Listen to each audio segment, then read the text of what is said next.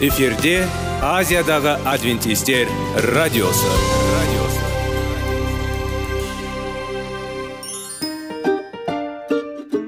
сәлем достар. Денсаулық өмір бұлағы және біздің бірінші байлығымыз демекші денсаулық сағаты рубрикасына қош келдіңіздер.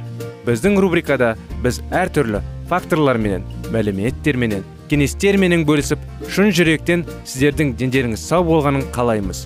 Сол үшін біздің рубрикаға қош келдіңіздер. Дайындалып тұрыңыздар. Өйткені келесі минуттарда қызықты фактілерге ие боласыздар. Енді достар ең бірінші байлығымызды қолымызға алып алға кеттік.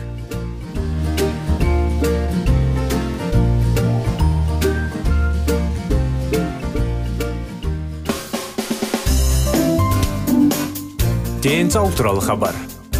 Денсаулықтың ашылуы. Күн сайын сөз үшін күшті кеңестер соңғы жаңалықтар қызықты факторлар. Біздің рубрикада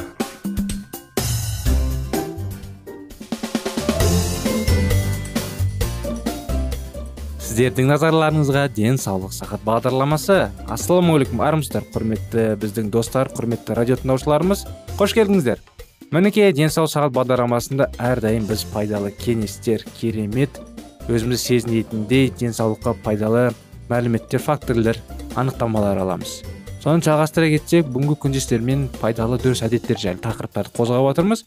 Бүгінгі күнде пайдалы әдет дұрыс әдет. Күн сайын бөлмені желдету әдеті. Бұны әрине көптеген адамдар оны қолданбайды. Арманда әркім қарағай орманда тұруға және таза ауамен демалуға дайын.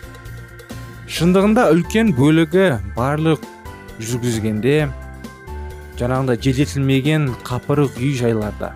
Күн сайын бөлмені желдету әдеті сіздің өміріңізде қалай әсер ететінін білгіңіз келе ме? Сонда бізбен бірге болыңыз.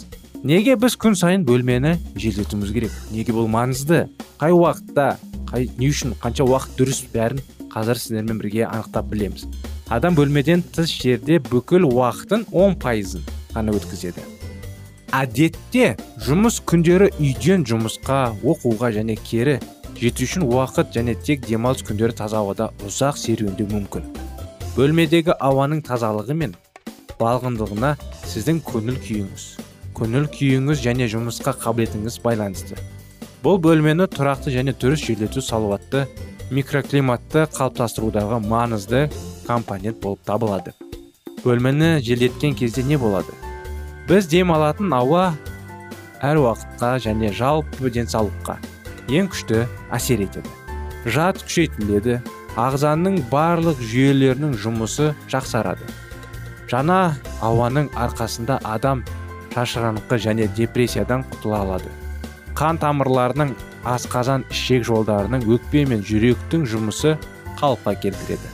Таза ауа болған кезде кейбір ауруларды емдеу әлде қайда жылдам болады. Ақыр соңында таза ауа арқасында өміріңіздің ұзақтығы артады. Егер біз бөлмемізді желдетпесек не болады? Егер сіз бөлмеңізді желдетпесеңіз онда оттегі мөлшері төмендейді. Ал көмір қышқыл газы және басқа затта көрсінше керісінше көп болады.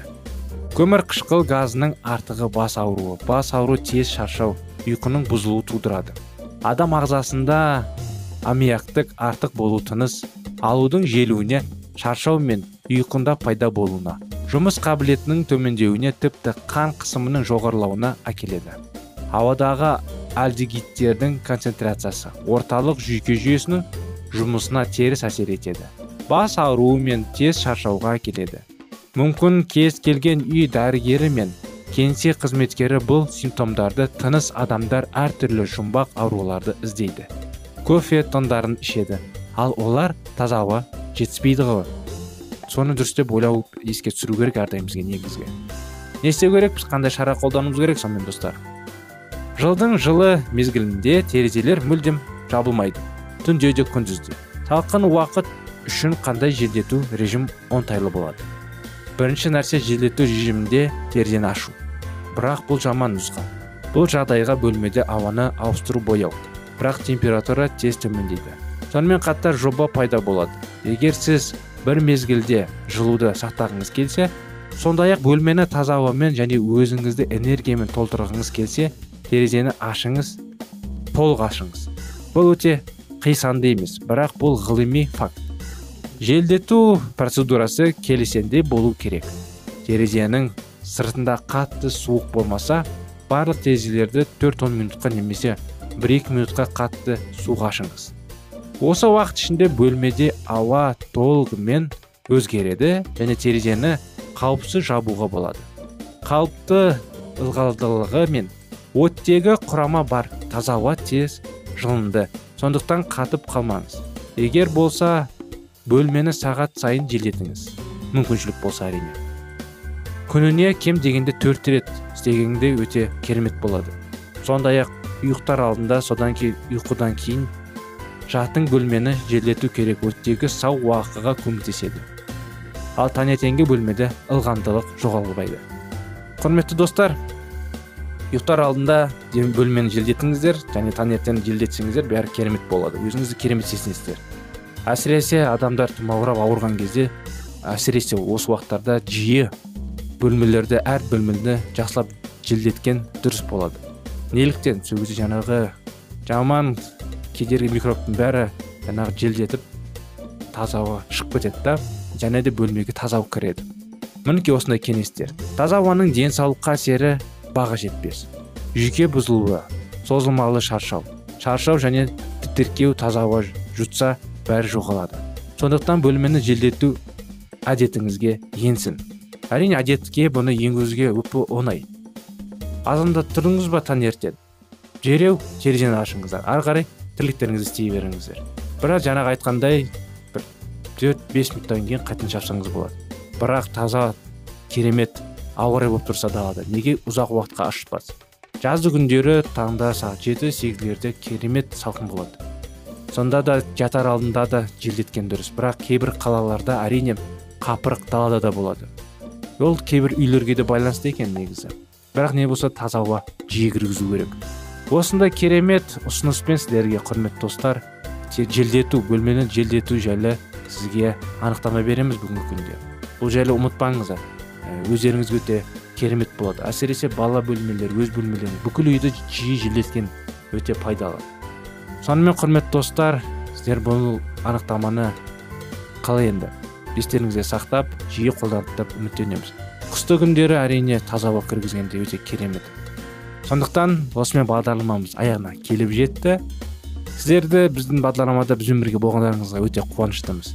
Келесі бағдарламаңызға шақырамыз. Біздің бағдарламадан алыстамаңыздар. Жақын достарыңыз таныстарыңыз болса біздің бағдарламалар жайлы оларға да айтып біздің бағдарламаға қосылып тұруды сұраңыздар. Сіздерге келесі жолға дейін қоштасамыз. Келесі жолға дейін сау саламат болыңыздар.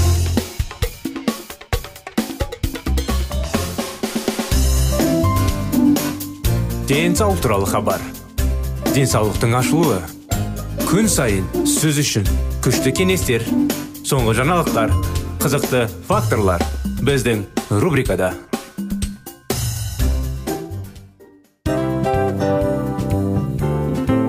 Әуелі байлық денсаулық екінші байлық он саулық үшінші байлық ақ жаулық. Ал енді осындай радио парақшадан кейін не дейміз? Барлықтарыңызға денсаулықтарыңыз зор болсын деп тілейміз. Денсаулықтың өзгеруі кішкентай нәрселерден басталады. Осымен біз берген кеңестер мен мәліметтер шын жүректен сіздер үшін қандай да бір болсын жәрдем берді деп үміттенеміз. Тыңдаушыларымызбен келесі радио парақшасына дейін қоштассамыз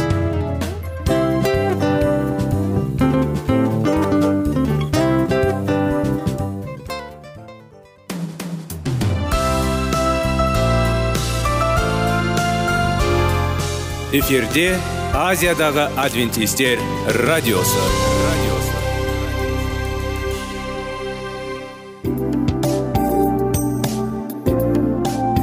Сәлем достар. Барлықтарыңызға шын жүректен сөйлесейік рубрикасына қош келдіңіздер деп айтпақшымыз. Шын жүректен сөйлесейік бағдарламасы әртүрлі қызықты тақырыптарға арналған. Шындығында шын жүректен сөйлесейік деген сөздің мағынасы екі достың екі адамның ортасындағы шын жүрекпен сөйлесуі бір біріне сенуі ашықтық пен шындықты білдіреді.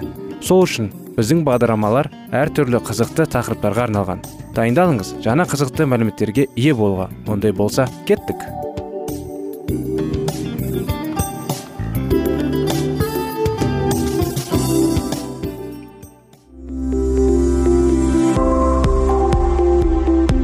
Алтын сөздер.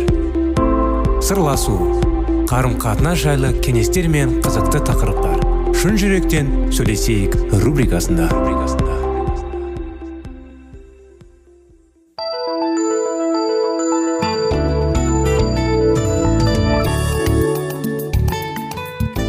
Шын жүрекпен сөйлесейік бағдарламасы. Сіздердің назарларыңызға құрметті достар. Ассалаумағалейкум құрметті радио тыңдаушыларымыз сіздермен бірге шектеулер кітабын жалғастырудамыз. Естеріңізде болса өткен жолы кетти мен шерридің оқиғасы бастаған едік.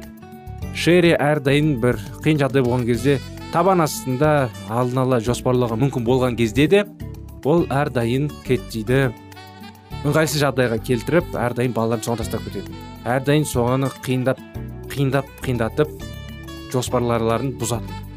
Сондықтан сұрақтарды жалғастыра кетсек бұл оқиға жайлы. Кім меншігіне ие болуы тиіс.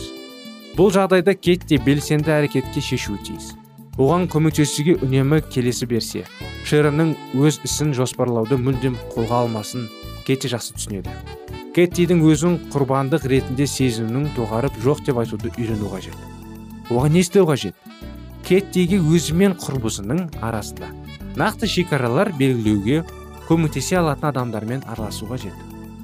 Оның неден басталу қажет? Кетти алдымен өзінің қиыншылықтарын түсінетіне және моралдық қолдау көрсетіп жүрген достарына жоқ деп айтуды үйрену қажет. Қолданудың арқасында ол өз келіспеушілігін білдіруді өз көзқарасында тұруды және оны ашық айтуды үйренеді. Оны түсінетін адамдардың барлығы құдайдың оған күш беру және шеронмен ара қатынасын жаңа бағытқа салу үшін міндетті түрде мұнажат ететінің болады. Олар қандай шектеулер орнатуы тиіс? Бір кездескенде кетти құрбысына ол өзін жай ғана пайдаланып жүргенінде сезінетінін айтты. Достықтарының өзінде де бір нәрсе алғысы келетінін түсіндірді. Содан соң ол шеронға енді өзінің жедел келетін бала баушының қызметінің атқарғысы келмейтінін жеткізді. Өз қылықтарының құрбысының қаншалықты ренжіткенінен осы уақытқа дейін еш хабар болмай жүрген шерон бұл үшін шын жүрегімен өкінді. Ол енді өзінің шаруаларын жоспарлап істей бастады.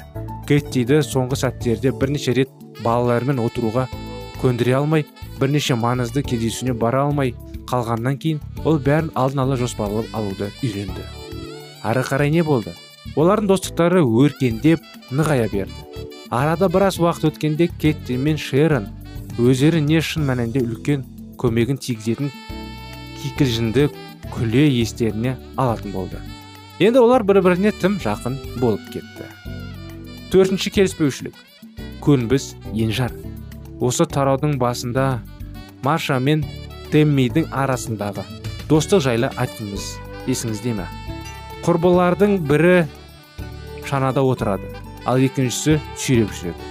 Бұл көнбіс пен енжардың арасындағы қарым қатынастың айқын мысалы. Олардың бірі көніп қалушылық пен ренішті сезінеді. Ал екіншісі мәселенің неден туындағанын түсіне де алмайды. Марша арадағы достықтарына демидің аса мен бермейтінін сезінеді. Енді осы жағдайда сарапаттап көрейік. Белгілері қандай? Марша өзінің құрбысына керексіз сезініп оған ренжиді. Бірақ темидің өзін кінәлі сезіну де ғажап емес.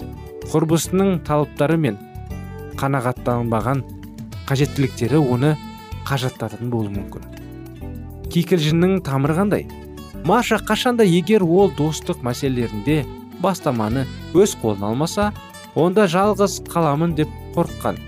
Нәтижесінде ол әркім үшін мариямның жағдайында мартаға ойналады. Ол қаламаған нәрселері істейді.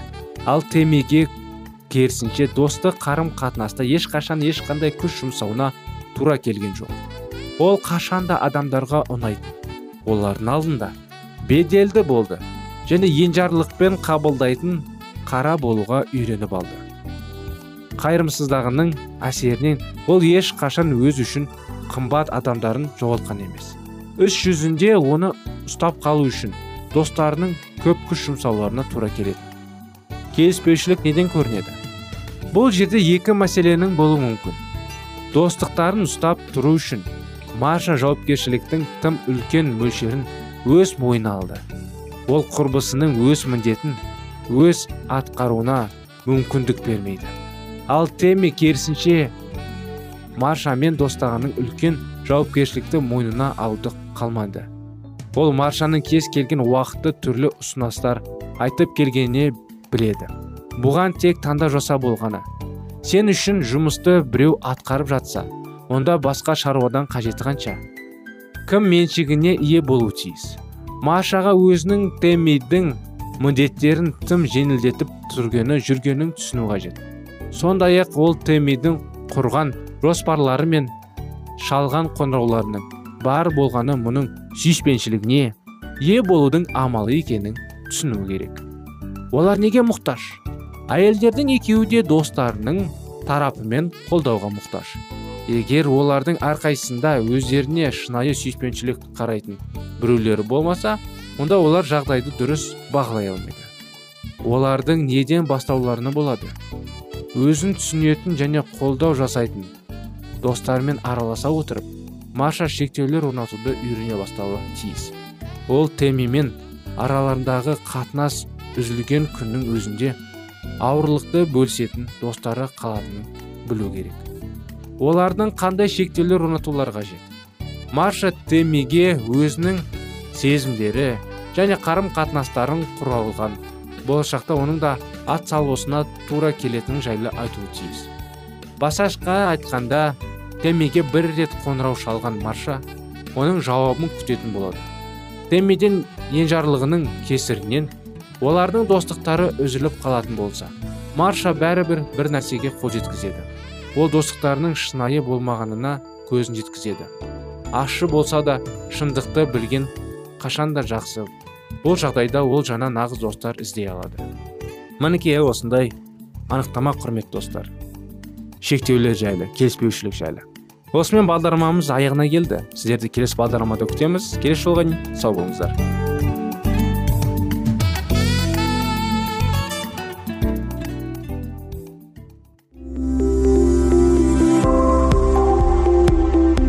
Алтын сөздер. Сырласу қарым қатынас жайлы кеңестер мен қызықты тақырыптар. Шын жүректен сөйлесейік рубрикасында.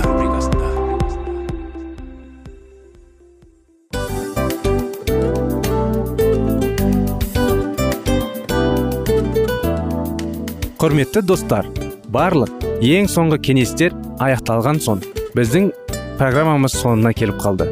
Осы біздің мәліметтер осы рубрикада айтылған әрбір сөздер сіздерге өзінің қандай да бір пайдасын алып келді деп шын жүректен сенеміз. Және бұдан да көптеген рубрикаларымыз бар. Басқа рубрикаларымызда біздің зерттеулерімізде сіздер үшін тағы да қызықты мәліметтер дайын. Біздің шын жүректен сөйлесейік парақшамызда көптеген әдістер ең соңғы кеңестер адамның нравственность жақтан моральдық жақтан тазалап байыта тұрған соңғы кеңестердің барлығын жанарады. сондықтан алдыңғы күндерде бізбен бірге болыңыздар. Өйткені барлық қызықтар алдыда. Бізбенен бірге болғандарыңызға үлкен рахмет. Келесі кездескенімізше сау сәлемет болыңыздар.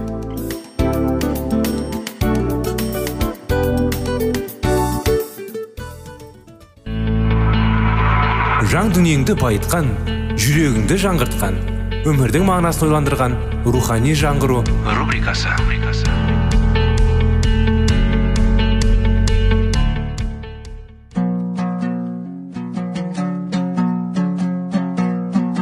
Ассалаумағалейкум біздің тыңдаушыларымыз.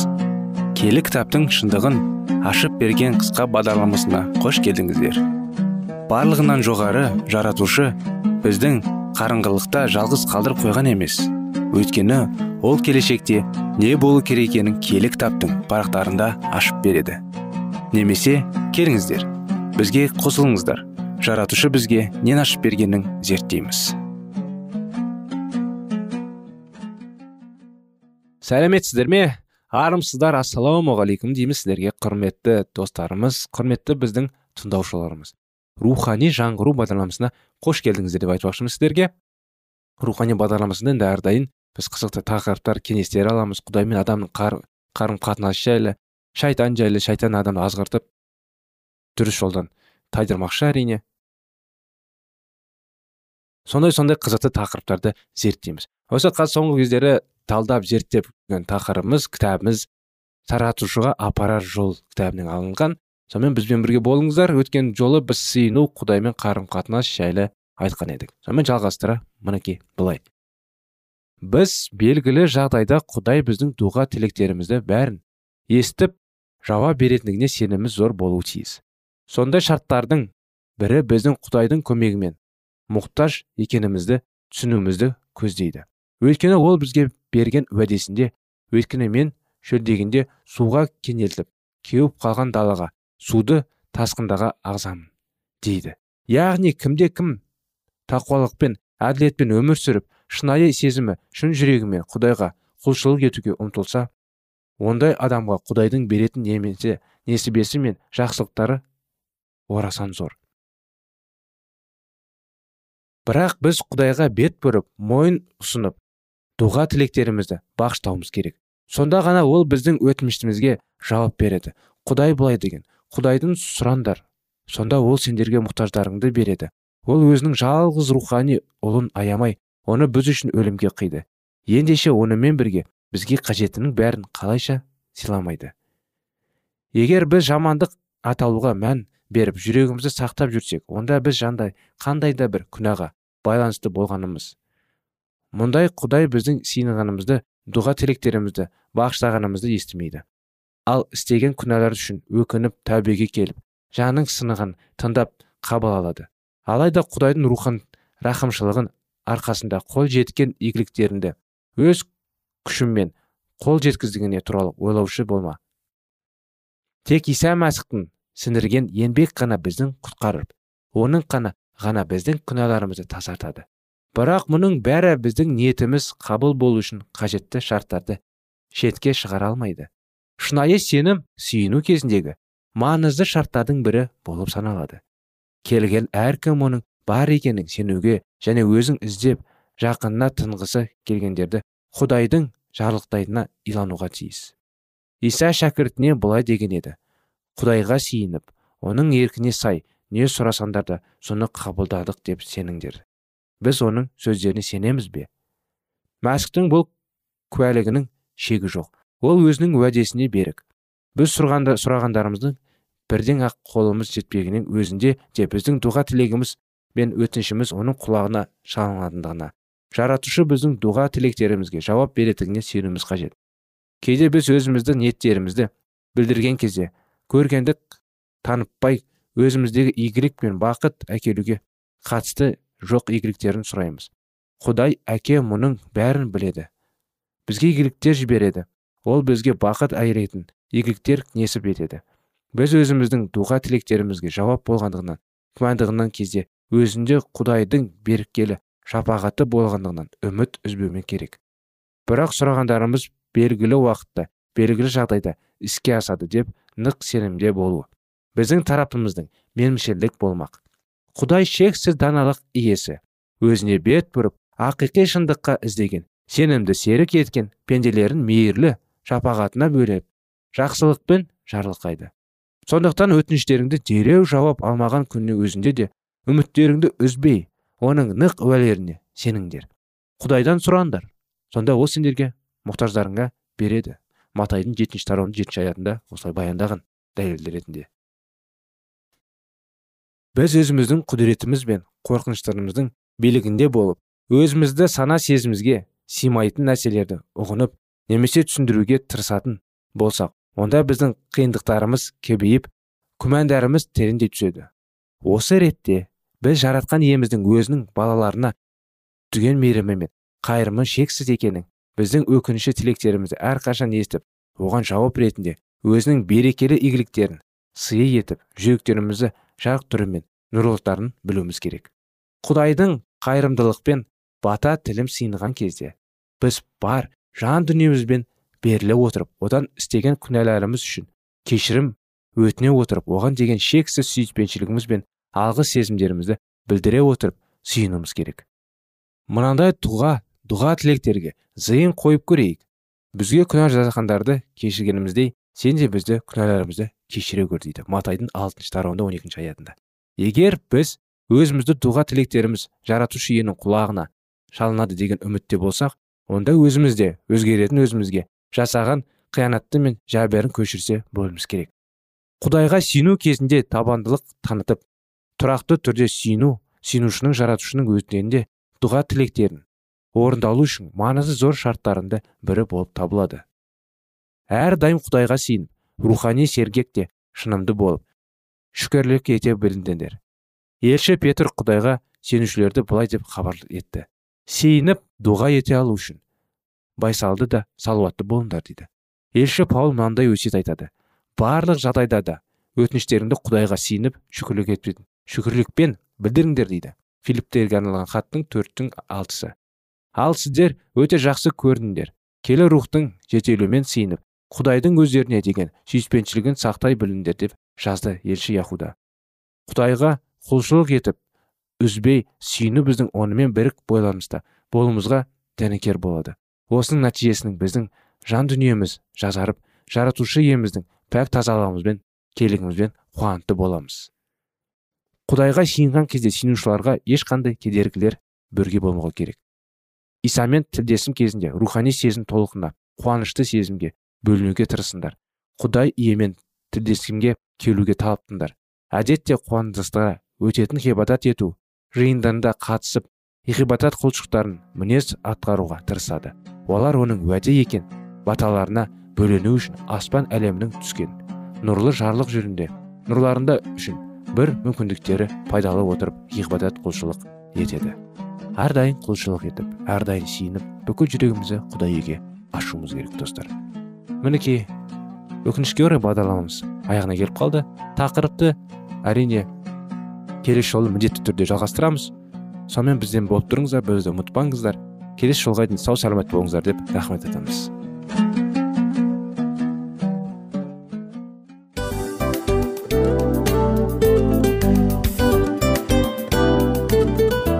Осымен достар программамыздың зерттеуіміздің ең қайғылы минутына жеттік. Қайғылы дегенде бағдарламамыз тез арада өтті де кетті. Соған көңіліміз деп тұр. Жарайды қайғыны қояйық. Бүгінгі 24 сағаттың алтындай жарты сағатын бізге бөліп арнағаныңыз үшін рахмет. Егер де өткен сфераларда пайдалы кеңес алған болсаңыз біз өзіміздің мақсатымызға жеткеніміз. Тыңдаушыларымызбен қоштасу уақыты келді. Келесі кездесулерді сағынышпен күтеміз. Жарты сағатты кездесуіміз көз ашып шапқанша дем арасында өтіп кетті. Бірақ бізде жақсы хабар бар. Келесі зерттеулерімізде сөзсіз кездесеміз. Өйткені көптеген сюрприздер қызықты мәліметтерді және керекті нәрселерді көбін дайындадық. Бүгінгі күндеріңіз өзгеше позитивті болсын. Жақындарыңыз аман есен болсын деп тілейміз. Жаратқан ие барлықтарыңызға батасын берсін. Істеген істеріңіз игілікті болсын. Келесі кездескенше сау саламат болыңыздар. Достар біздің бағдарлама бойынша сұрақтарыңыз болса әрине сіздерге керекті анықтама керек болса біздің whatsapp нөмірімізге хабарлассаңыздар болады. Плюс бір үш жүз бір жеті жүз алпыс алпыс жетпіс. Иә достар сіздер қателеспедіңіздер бұл біздің номерлерге ұқсас болмаса да бұл whatsapp номер арнайы. Хабарласыңыздар сұрақтарыңызды қойып тұрыңыздар. Анықтаманы алып тұрыңыздар. Плюс бір үш жүз бір жеті жүз алпыс алпыс жетпіс whatsapp номері